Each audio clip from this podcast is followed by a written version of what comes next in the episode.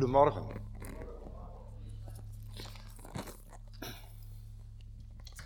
Zo, de laatste keer dat ik hier sprak was de zaal volgens mij nog leeg vanwege de eh, beperkingen. Maar mooi om jullie in de ogen te kunnen zien. Mijn naam is Harm Renkema, zoals jullie gehoord hebben. En inderdaad, ja, vanochtend werd ik wakker bij zonsopgang, of eigenlijk nog voor zonsopgang, in een stukje bos bij Appelscha. Wij waren daar vanaf vrijdagavond met een groep mannen om eigenlijk nou ja, een weekend wat stil te staan van hey, hoe sta ik in het leven? Uh, hoe is mijn relatie met God? Hoe is mijn relatie met mijn vrouw, met mijn kinderen? Nou, dat is een activiteit van de vierde musketier. Dit was een klein weekend, we waren met 15 man, maar wel heel mooi. Maar goed, ik had gisteravond al tegen ze gezegd van ja, jullie zullen mij morgenochtend niet zien, want dan moet ik in Drachten zijn. En die afspraak stond al veel eerder. Nou, dat lag op de route. Ik kom uit Stiens, dus ik dacht ja, ik kan op zaterdagavond helemaal weer naar Stiens rijden, maar benzine is duur genoeg. Dus ik denk, ik blijf in Appelscha en rij mooi hier naar Drachten. Goed. Ik ga zo meteen spreken over David en eigenlijk vooral ook over de psalmen. Maar ik wil eerst uh, kort een gebed uitspreken. Vader in de hemel, ik dank u voor uw trouw en voor uw liefde, voor uw grootheid. En Heer, ik wil u bidden om u door mijn woorden heen te spreken. En Heer, als de woorden wellicht beperkt zijn, Heer, zegen het luisteren van de mensen die hier zitten, van de broers en zussen die hier zitten. Heer, werk met uw geest er doorheen, dat het ons mag raken. In Jezus' naam. Amen. Amen. Goed.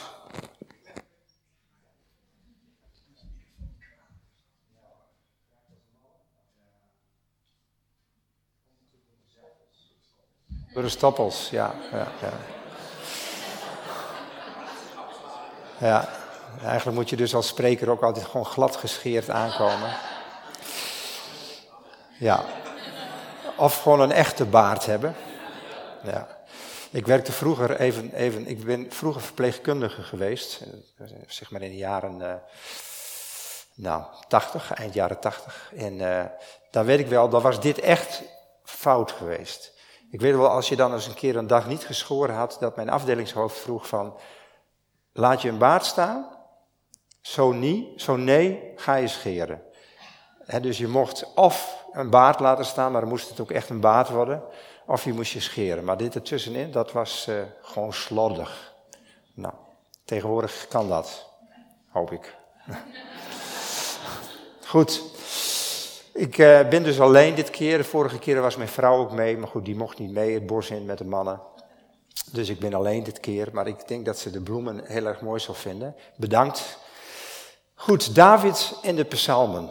Uh, de psalmen er zit van alles in. En ik vind het ook heel mooi dat we ook al heel wat psalmen eigenlijk gezongen hebben. Of eigenlijk liederen die afgeleid zijn van de psalmen. Uh, er staan meer dan 30, misschien wel 40 liederen die eigenlijk gewoon te koppelen zijn aan, he, in opwekking, die, die gekoppeld zijn aan de psalmen. Maar ik wil eigenlijk beginnen met even stil te staan bij een aantal gebeurtenissen, een aantal situaties in het leven van David. En vervolgens wil ik de stap maken naar de psalmen. En dan ook een aantal psalmen met jullie doornemen. En waarom wil ik eerst stilstaan bij het leven van David? Omdat het leven van David heel veel hoogtepunten en ook heel veel dieptepunten kent. En eigenlijk is dat wel mooi, want dat zie je ook terug in de psalmen. De psalmen, dat, dat gaat ook van, van hoog op de berg tot heel diep in het dal. Dus de psalmen zijn wat dat betreft echt uit het leven gegrepen.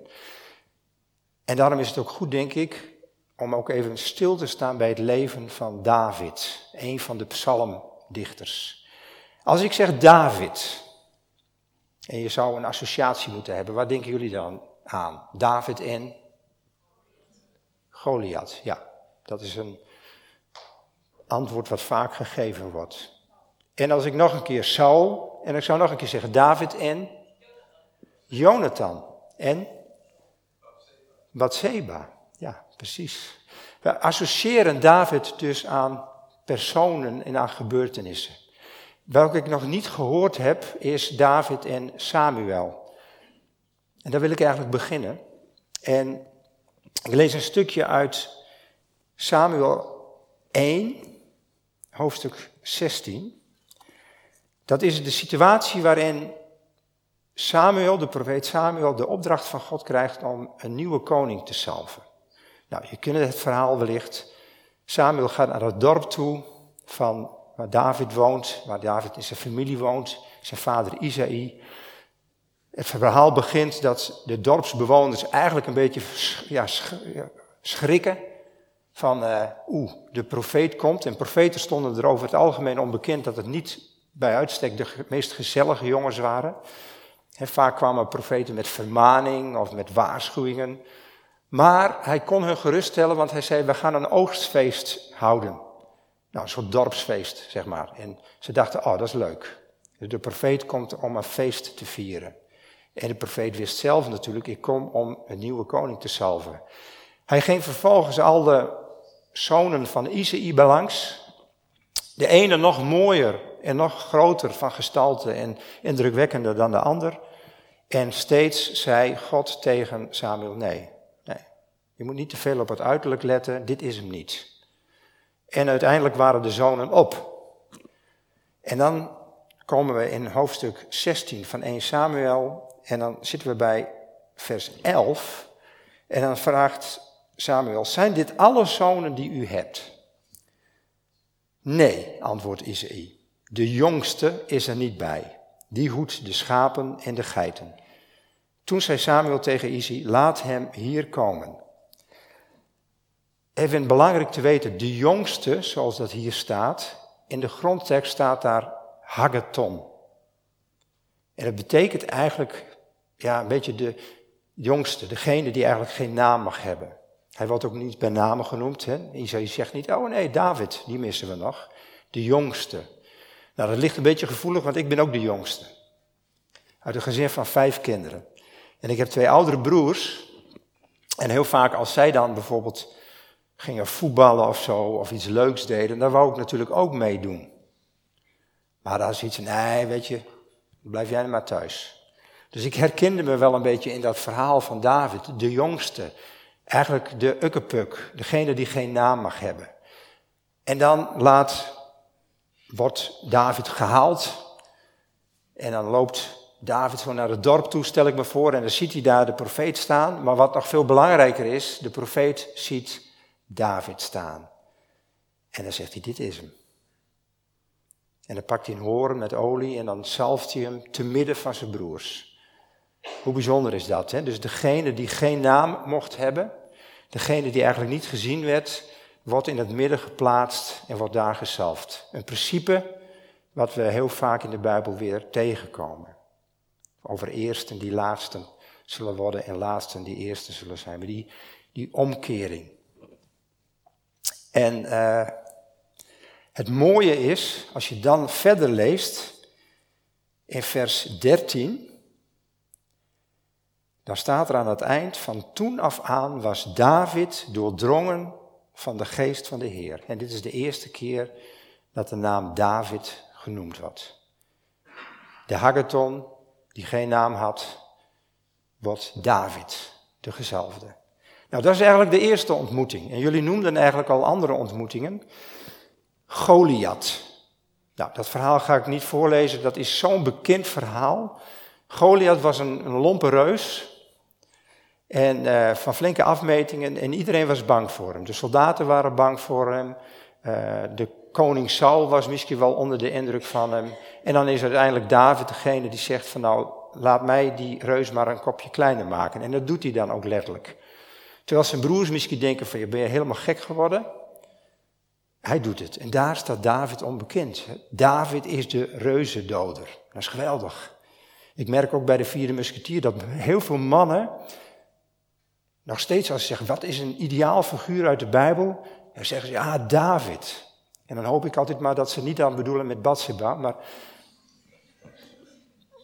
En met David, David de reuzendoder. Maar wisten jullie dat David nog een keer een reus tegengekomen is? jullie zitten me allemaal aan te kijken. Kennen jullie de, de reus Jes Babynop? Wie kent de reus Jes Babynop? Ik heb hem ook heel lang niet gekend, maar dat staat in 2 Samuel 21, vers 15 tot en met 17.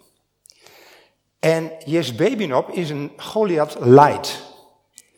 Hij is ook een reus, hij komt uit het geslacht van de reuzen, maar hij is net iets kleiner, tenminste dat zou je op basis van zijn wapenrusting kunnen opmaken, want hij heeft een iets lichtere speer. Maar Jezbebinop is ook een reus. En David is in de strijd. En nu zijn de rollen omgedraaid en David is uitgeput, staat er.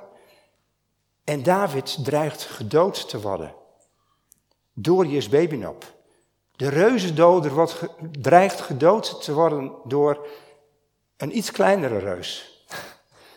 En dan springt Abishai ertussen, de legeroverste en de neef van David, en die voorkomt dat. Die zegt van, die dood uiteindelijk Jesbebinab. En dan zeggen de soldaten van, David, koning, jij moet niet meer met ons meegaan, want jij bent het licht van Israël, jij bent ons lichtend voorbeeld, en als jij gedood wordt, dan dooft het licht. En eigenlijk wordt hij dus op non-actief gezet, hè, op een vriendelijke manier. Eigenlijk wordt er gewoon gezegd, blijf jij maar thuis de volgende keer als wij gaan vechten. Want dit is te riskant. Nou, dat is ook een ontmoeting. Jonathan werd al genoemd, ga ik nu niet heel erg op in. Maar als we het ergens over vriendschap hebben, in de wereldliteratuur ook, en er wordt er heel vaak verwezen, vriendschap tussen Jonathan en David. Dat is een bijzondere vriendschap, een hele intense, intieme vriendschap. Prachtig. Maar we hebben nog één, één ontmoeting, nog één gebeurtenis. En uit de overlevering, in de chronologie, staat het niet logisch. Maar in de Joodse traditie wordt heel vaak uitgelegd dat de gebeurtenis die we nu even bij de kop pakken, dat het vlak na die ontmoeting met Jesbebinop is. En dat is namelijk de situatie met Bathseba. Er staat dan in de Bijbel, het was het voorjaar en het was de tijd dat de legers ten strijde trokken. Dat is een beetje gek, hè? Zo van, oh, het is voorjaar, laten we weer gaan vechten. Alsof dat een soort traditie is, maar goed. Dat staat er. Maar David bleef thuis. En dat is gek, hè? Een legeroverste, een koning die thuis blijft. Terwijl zijn soldaten gaan vechten. En hij blijft thuis. En er staat er in de Bijbel, tegen de middag staat hij op van zijn bed. Nou, ik weet niet hoe dat bij jullie is, maar als ik tegen de middag opsta, dan ben ik, zit ik meestal niet lekker in mijn vel. je kunt het beste maar gewoon vroeg opstaan, maar je hebt dat wel eens, dat je gewoon futloos bent. Dat je denkt van, ik heb er helemaal geen zin in. En dan blijf je liggen en dan sluimer je en dan ga je de wekker nog een keer uitdrukken. En je blijft maar liggen en liggen. En ik stel me zo voor dat David ook lusteloos was. En op een bepaald moment dan is het middag en denkt, nou ja, in vredesnaam, ik moet maar opstaan. En dan gaat hij over zijn paleis, op het dak van zijn paleis lopen. Lusteloos, een beetje futloos. En dan ineens ziet hij een badende vrouw. Een naakte vrouw. En het gekke met naaktheid is natuurlijk dat dat iets bij een man doet. En bij vrouwen ook wel, denk ik. Maar in dit geval bij David. Dus hij krijgt weer wat energie, stel ik me zo voor. Er komt weer wat vitaliteit. Alleen David vergist zich. Hij verwart lust met levenslust. En hij denkt, hé, hey, dat is een mooie vrouw, laat maar komen. En eigenlijk is dat natuurlijk een hele tragische situatie. We hebben de afgelopen tijd natuurlijk best wel veel dingen gehoord over grensoverschrijdend gedrag. Hashtag MeToo, The Voice. Nou, dit was hashtag MeToo in het oude Israël. Wat we ook van David vinden. Maar hij was grensoverschrijdend. Hij liet haar komen. En dan staat er eigenlijk heel netjes, hij ging met haar naar bed. Maar hij verkrachtte haar natuurlijk gewoon. Waarom vertel ik dit? Want David is tegelijkertijd ook een man naar Gods hart. En ik ben blij dat God niet gezegd heeft, hé, hey, die psalmen van David, die gaan we boycotten. Die komen er niet in. Want ze komen er wel in. En David heeft later ook berouw getoond. Maar dit was dus een man met grote hoogtepunten. De reuzendoder. Een man die zeer gevoelig was. Anders kun je niet zulke mooie psalmen schrijven. Maar ook een man met enorme dieptepunten. En het mooie is, daar schrijft hij ook over. En het mooie van de psalmen, en we hebben, er werd zo pas ook tijdens het gebed een psalm voorgelezen. Het mooie van de psalmen is dat ze zo echt zijn. Ze laten eigenlijk alle kanten van het mens zijn, laten ze zien, laten ze horen. Van jubelzang tot klaaglied. Van vreugde, van verdriet, strijdlust, maar ook schaamte. Het komt allemaal voorbij. En dwars door dat alles heen, Gods beloften. Gods woord van trouw. Zijn genade. Zijn liefde, zijn hoop. Je komt het er allemaal in tegen.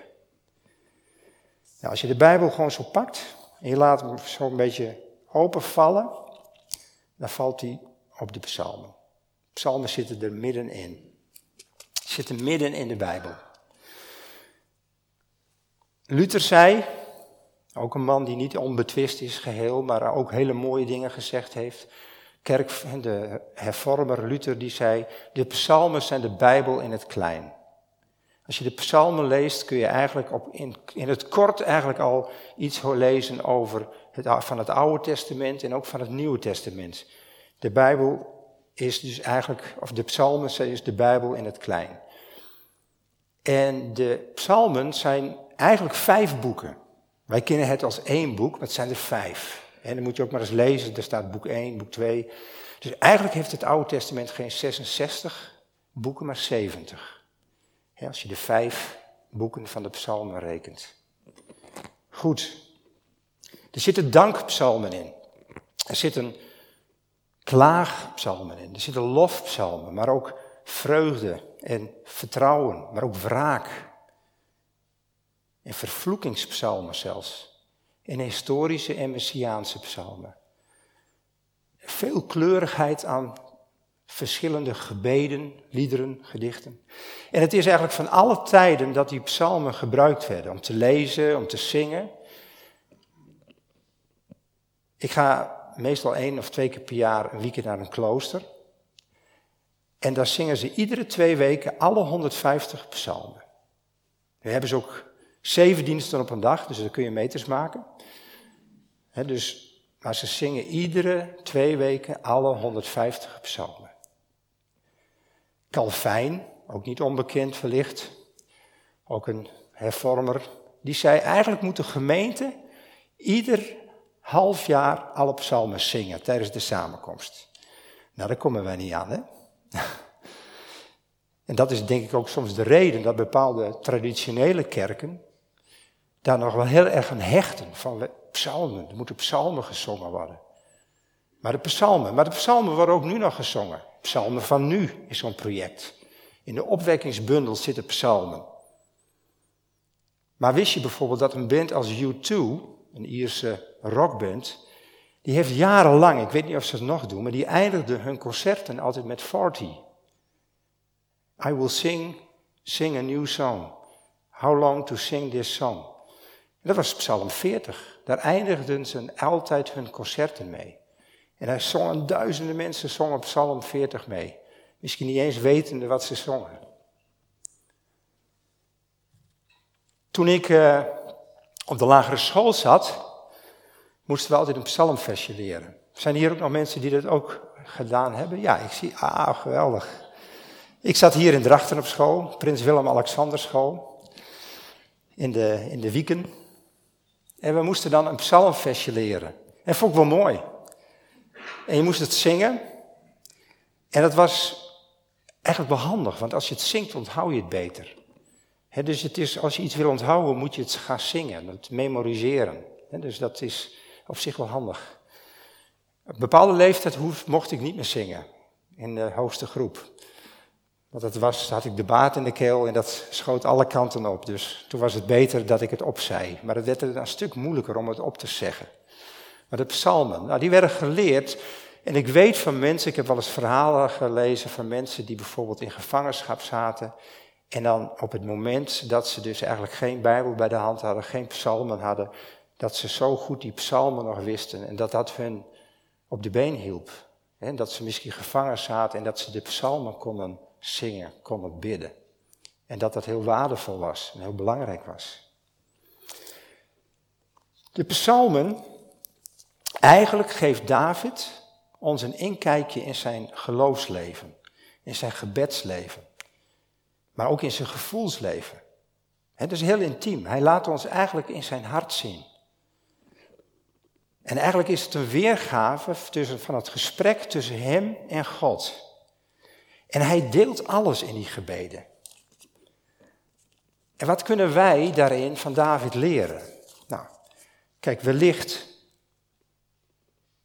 Ik, nou, wellicht, ik weet het als wel zeker. In deze gemeente zullen ook gemeentekringen zijn, of huiskringen, of een bidstond. En stel je voor dat je bidt met elkaar hardop, wat ze pas ook deden. En David doet het ook. En David zou erbij zijn. die zit daarbij. En David bidt in alle, ja, alle openheid, alle kwetsbaarheid. En daar kunnen we iets van leren. En dat is misschien ook een beetje een uitdaging deze ochtend. Kijk, want als hij dan 100, Psalm 139 bidt, nou, daar kunnen wij heel makkelijk mee instemmen. Heer, u kent mij door en door. U weet alles van mij, waar ik ook ben. U weet alles wat ik denk. U bent dag en nacht bij mij. U weet alles wat ik doe. U kent elk woord van mij nog voordat ik het gezegd heb. Prachtig. Ik denk dat we dat zo met elkaar kunnen bidden tijdens een bidstond of tijdens een kring. Maar wanneer heb je voor het laatst Psalm 13 bijvoorbeeld gebeden? Hoe lang nog, Heer? Zult u mij vergeten? Hoe lang nog verbergt u voor mij uw gelaat? Hoe lang nog wordt mijn ziel gekweld door zorgen en mijn hart door verdriet oversteld, dag aan dag? Weet je dat ook wel eens? Hardop. En als een kringlid, een broeder of zuster dat dan bidt, kun je daar, daar even gewoon daarbij blijven? En wat ik merk bij mezelf dan soms ook de neiging, als iemand zou zeggen, well, Heer, de Heer is mij vergeten. De Heer verbergt zich. Dan zeg je, nee, tuurlijk niet. De Heer is jou niet vergeten. De Heer is altijd bij je. Maar soms is het ook goed om daar even mee te wachten.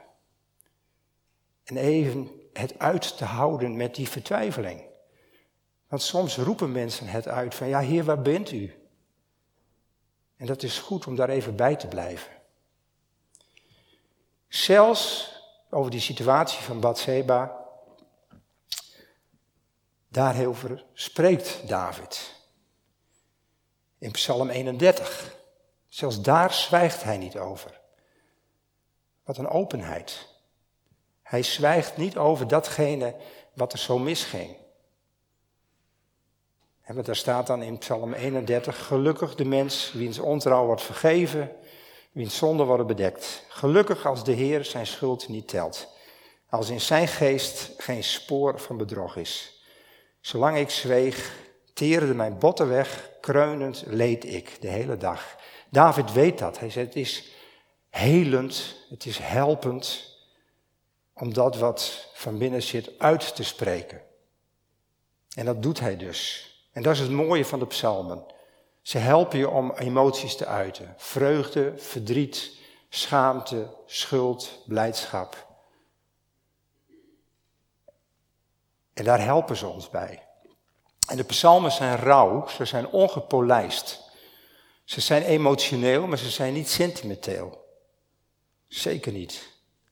En ze getuigen steeds opnieuw van een diep ervaren geloof en vertrouwen in God. Psalmen zijn geen vrome liedjes waarbij je eigenlijk als, als bidder zo goed mogelijk voor de dag wil komen voor God. Nee, de psalmen die laten de rauwe realiteit zien. En daar zit soms vreugde bij, zeker. Dankzegging. Maar er zit dus ook verdriet. En er zit ook schaamte. En dat mag. Psalmen zijn dus geen gebeden waarmee je aan de harde werkelijkheid kunt ontvluchten. Nee, ze zijn juist gebeden waarmee we in de werkelijkheid kunnen landen. En dat vind ik juist zo mooi. Ze zijn dus eigenlijk letterlijk uit het leven gegrepen. En daarom is het ook mooi om de psalmen te lezen. En niet alleen als Bijbelboek, maar als, als gebeden. Hoe is dat met jou? Wat bespreek jij met God? De vreugde, de dank, of de schaamte, of de ongeduld, de vertwijfeling. Want alle emotie mag er zijn. Verdriet, vreugde. Het ene moment zegt hij, u, ik wil u loven, Heer. Met heel mijn hart, vertellen van uw wonderdaden. Prachtig. En op het andere moment schreeuwt hij, waarom, Heer, bent u zo ver? En verbergt u zich in tijden van nood. En dan op het andere moment zegt hij weer, oh Heer, onze Heer, hoe machtig is uw naam op heel de aarde. En dan weer een stukje verder, Psalm 12. Grijp in, Heer, niemand is nog trouw, geen mens spreekt nog waarheid. En hij lijkt het soms bijna oneens te zijn met zichzelf. De ene keer zegt hij dit en dan zegt hij weer dat. En ik ben zelf ook nogal piekerig. He, hemelhoog jouwend onder zo'n tode betrübt. Dus of heel erg blij of heel erg verdrietig en down. Dus ik ben nogal piekerig qua emotie, dus ik herken dat wel. Kijk, mensen die wat gelijkmatiger zijn, die zullen misschien denken, ja kom op David, wat is het nou? Ben je nou vol geloofsvertrouwen of ben je vertwijfeld? Nou, beide. En dat kan dus. En dat vind ik het mooie, het staat er allemaal in. Hij piekt alle kanten op. Psalm 12, daar wil ik wat op inzoomen nog. En ik denk dat Psalm 12 ook wel een speciale lading heeft gekregen als je nu weer de ontwikkelingen in de wereld ziet. Een kleine, sombere psalm is het eigenlijk. Daar staat dan, grijp in, Heer, niemand is nog trouw, geen mens spreekt nog waarheid. Ze beliegen elkaar allemaal. Vals en verraderlijk is hun woord. Alsof hij het over deze tijd heeft. Een tijd vol met fake nieuws, verwarring. Verraderlijk is hun woord. Niemand spreekt nog de waarheid. Zo. En dan doet hij er nog een schepje bovenop, over emotie gesproken. Heer, snijd hun valse tongen uit. Ik weet niet wanneer je dat voor het laatst gebeden hebt. maar dat is krasse taal. Ik moet zeggen, ik bid het niet zo vaak hoor. Van Heer, snijd hun valse tongen uit. Of af. Snoer de monden vol grootspraak. Die zeggen, met onze tong zijn we sterk. Onze mond helpt ons. Wie kan ons aan? Nou, David is er goed klaar mee. David baalt er enorm van. En dan zegt hij, zwakken en armen zuchten onder het geweld. Nou, hoe actueel is dat? Als mensen grenzen overschrijden, of het nou fysieke grenzen zijn,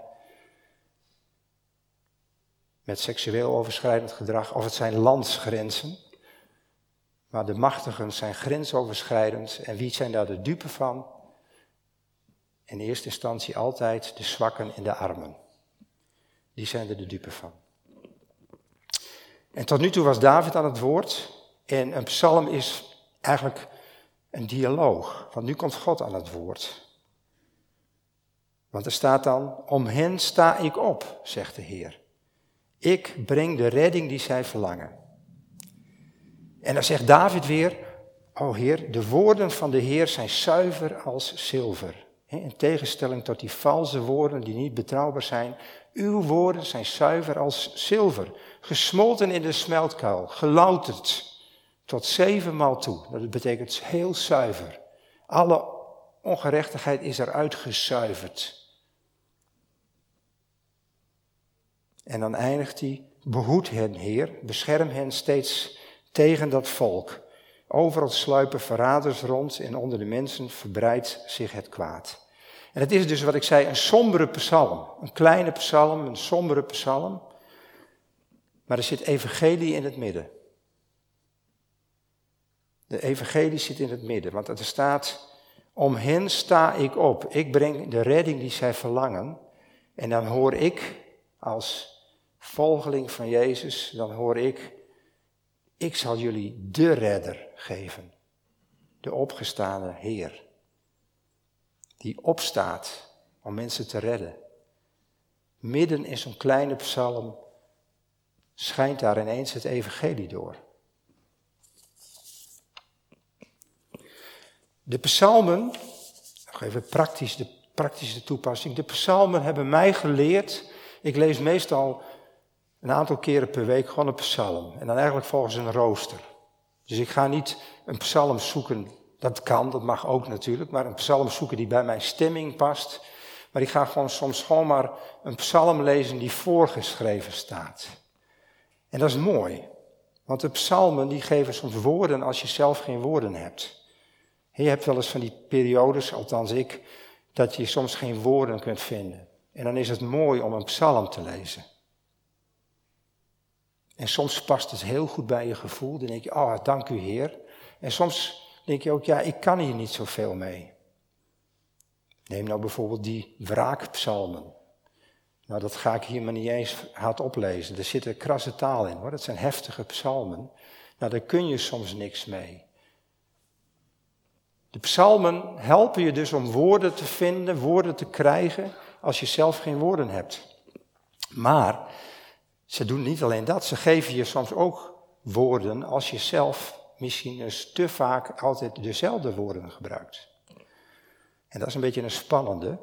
Uh, wij hebben vier kinderen en toen die tiener werden, toen konden ze soms heel bemoedigend zijn. Vooral als je dus als vader of als moeder had opbid aan tafel. En soms gingen ze zelfs al, dan wisten ze al wat ik ging zeggen. Zo voorspelbaar waren mijn gebeden. En daar is niks mis mee.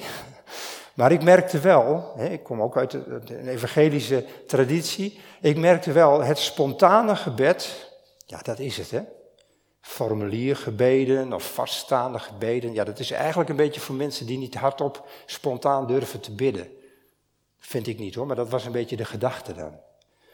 Terwijl heel veel spontane gebeden zijn ook natuurlijk heel vaak meer van hetzelfde. En dat is niet erg. Maar soms is het helpend om dan ineens eens een keer iets anders te bidden. En dan pak je een psalm en denk je, wow, David, jij durft het wel te zeggen. En de vrijmoedigheid soms, waar David soms mee bidt. En dan denk ik, oh, wat, wat mooi dat hij dat durft, dat hij zo open met God spreekt. En ik denk dat dat ook maakt dat hij een man naar Gods hart was. Hij maakte van zijn hart geen moordkuil. Hij sprak het uit. En we zijn in goed gezelschap als we de psalmen bidden. Jezus Christus bad de psalmen. Waarschijnlijk zijn de psalmen zoals wij die kennen, die 150, zijn ongeveer 2000 jaar geleden zeg maar samengesteld. Dus hij heeft ze waarschijnlijk ook in deze samenstelling gekend. En hij bad ze. Maar liefst 16 keer wordt er rechtstreeks naar verwezen in het Nieuwe Testament. En er zitten natuurlijk een aantal bekenden tussen. Op het moment dat hij Jeruzalem binnenkomt en dat de kinderen en de mensen Hosanna roepen, dan zeggen de schriftgeleerden van je moet ze het zwijgen opleggen. Ze moeten zwijgen, die mensen. Zeg dat ze zich de mond moeten houden. En dan citeert de Heer Jezus Psalm 8. Door de mond van kinderen en zuigelingen hebt u zich een loflied laten zingen. En hij laat dan ook direct zien wie die is. En op het diepste, diepste punt, op het moment dat hij voor ons, voor de zonde van de wereld aan het kruis hangt, citeert hij een psalm. Psalm 22. Dat hij zegt, mijn God, mijn God, waarom hebt u mij verlaten? Hij citeert Psalm 22. En het mooie van de psalmen is dat ze zijn geschreven door een herder. Ze zijn geschreven door een koning. Ze zijn geschreven door een strijder. Maar ze zijn niet per definitie geschreven door een priester. David was geen geestelijke. Nee, de psalmen zijn voor iedereen. En als Jezus de psalmen bad, dan kunnen wij ons nooit te gelovig voelen om de psalmen te bidden. En als David, zeg maar, in de donkerste periode van zijn leven de psalmen schreef in bad, dan kunnen wij ons ook nooit te slecht voelen om de psalmen te bidden. De psalmen zijn voor iedereen. De psalmen zijn eigenlijk gebedsgereedschap. Zoals een hovenier een schoffel of een schep of andere attributen meeneemt om de grond te bewerken. Of zoals een student, ik werk op een hogeschool, als een student naar een college gaat, een schrijfblok heeft of een laptop heeft en notities maakt, zo zijn de psalmen gebedsgereedschap om ons geloofsleven te verdiepen. En te zorgen dat er iets kan groeien en dat er iets kan ontstaan. Mijn moeder was gek op Ellie en Rickert. En Ellie en Rickert hadden een lied en dat heette Psalm 151. En ik heb heel lang gedacht dat er dus minstens 151 psalmen waren. Want ja, als er een psalm 151 was. En ik, ik kwam er pas later achter eigenlijk dat psalm 151, dat dat een lied was wat Ellie en ik het zelf hadden geschreven. En toen dacht ik, alles oh, wel mooi eigenlijk. En dat zou dus eigenlijk ook wel een uitdaging voor jullie kunnen zijn. Ga bijvoorbeeld in de komende week, weken, eens een psalm 151 schrijven. Waarin je beschrijft je gedachten, je gevoelens, je vragen richting God, maar ook de antwoorden die je krijgt. Wat God tegen jou zegt. En wat zou het mooi zijn dat er dan een soort open thuis Psalm 151 bundel zou komen. Met misschien wel, wel, wel 20 verschillende psalmen 151. En dat je die met elkaar uitwisselt en dat je die ook van elkaar gaat bidden. Dus dat zou heel mooi zijn, dat je zegt van, hé, hey, ik heb een psalm, weet je, en die heb ik geschreven toen ik heel blij was. Oh, oh, ik wil wel een blije psalm, mag ik die van jou lenen? En dat een ander zegt, nou, ik heb mijn psalm geschreven toen ik echt flink baalde. Oh nou, die kan ik ook af en toe wel gebruiken. En dat je dus psalmen zou uitwisselen met elkaar. Nou, ik ga hier vaker komen, dus ik ben benieuwd of het nog wat wordt, dat psalmproject. Goed. Ik eindig weer met David. David is stervende. David weet dat zijn einde nadert. En wat hij ook geweest is en wat hij ook gedaan heeft, hij is steeds bij God gebleven en de geest van God is steeds bij hem gebleven. Dat vind ik geruststellend en dat vind ik bemoedigend. En we lezen in 2 Samuel 23, en ik heb daarvoor de, de vertaling uit de herziene statenvertaling, want die, die zegt het eigenlijk gewoon heel mooi. Daar staat dan, dit zijn de laatste woorden van David. En eigenlijk is hij gewoon psalmen blijven schrijven tot het eind. En de laatste woorden van iemand zijn altijd belangrijk. Hè? Als je dus weet van, hé, hey, ik ga deze werkelijkheid verlaten. En ik wil mensen nog wat meegeven. Nou, dat, dat is, dan kan ik me voorstellen dat je daarover nadenkt. Dit zijn de laatste woorden van David. De laatste woorden van de zoon van Isaïe. Het zijn wijze woorden van een man aan wie God een belangrijke plaats gaf. Een man die door Jacobs God werd gezalfd en die bezongen wordt in Israëls liederen. De geest van de Heer spreekt door mij. bij die salving van Samuel, toe kwam de geest, werd hij doordrongen door de geest en nog steeds, de geest van de Heer spreekt door mij. En ik vertel wat hij mij zegt. De God van Israël spreekt. De rots van Israël zegt tegen mij, en dan komt God eigenlijk aan het woord, er komt een rechtvaardig heerser over de mensen, een heerser met diep ontzag voor God. En die heerser zal glanzen als het ochtendlicht. Hij zal stralen als de zon op een wolkeloze morgen. En door hem zal een nieuw leven komen, net zoals door de warmte van de zon na de regen het jonge groen uit de grond tevoorschijn komt. Prachtig. En wat ik het mooie vind van deze vertaling is dat die hij en die heerser steeds met hoofdletter geschreven wordt. Dit is een messiaanse een vooruitblik. David wijst hier op de Heer Jezus.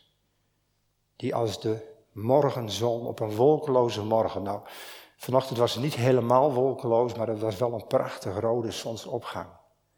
En we zien in de natuur nu ook wat die warmte die weer terugkomt, het licht wat weer terugkomt, wat dat doet. Wat hier ook staat. Het jonge groen dat uit de grond tevoorschijn komt. David aan het eind van zijn leven, een bewogen leven met hoogte- en dieptepunten, verwijst hier op degene die zal komen uit zijn geslacht. Hij, zal, hij wijst op Jezus Christus, die uiteindelijk verlossing brengt, die uiteindelijk vrede brengt. En nog één keer zingt hij daarvan en nog één keer spreekt hij daarover.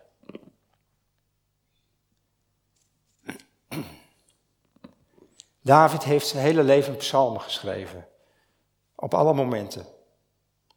En hij heeft daar steeds eigenlijk ons niet alleen maar informatie gegeven over zijn gedachten, over zijn gevoelens. Maar hij heeft eigenlijk een relatie beschreven. De relatie tussen hem en God. Onder alle omstandigheden. En daar mogen wij, denk ik, ook leren. Dat we door de psalmen heen ook onder alle omstandigheden ja, die relatie met God mogen ervaren. Ik wil graag bidden. Vader in de hemel, ik dank u voor de psalmen. Heer, ik dank u voor die man van vlees en bloed.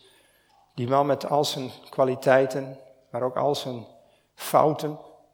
Heer, en dat u door die man heen gewerkt hebt. Door koning David, die herdersjongen. Die eigenlijk eerst geen naam had.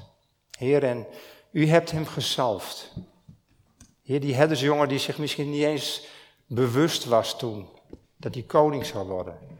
Heer, maak ook ons bewust van hoe u ons zalft. Heer, ook als we ons klein voelen of als we ons niet gezien voelen, u ziet ons.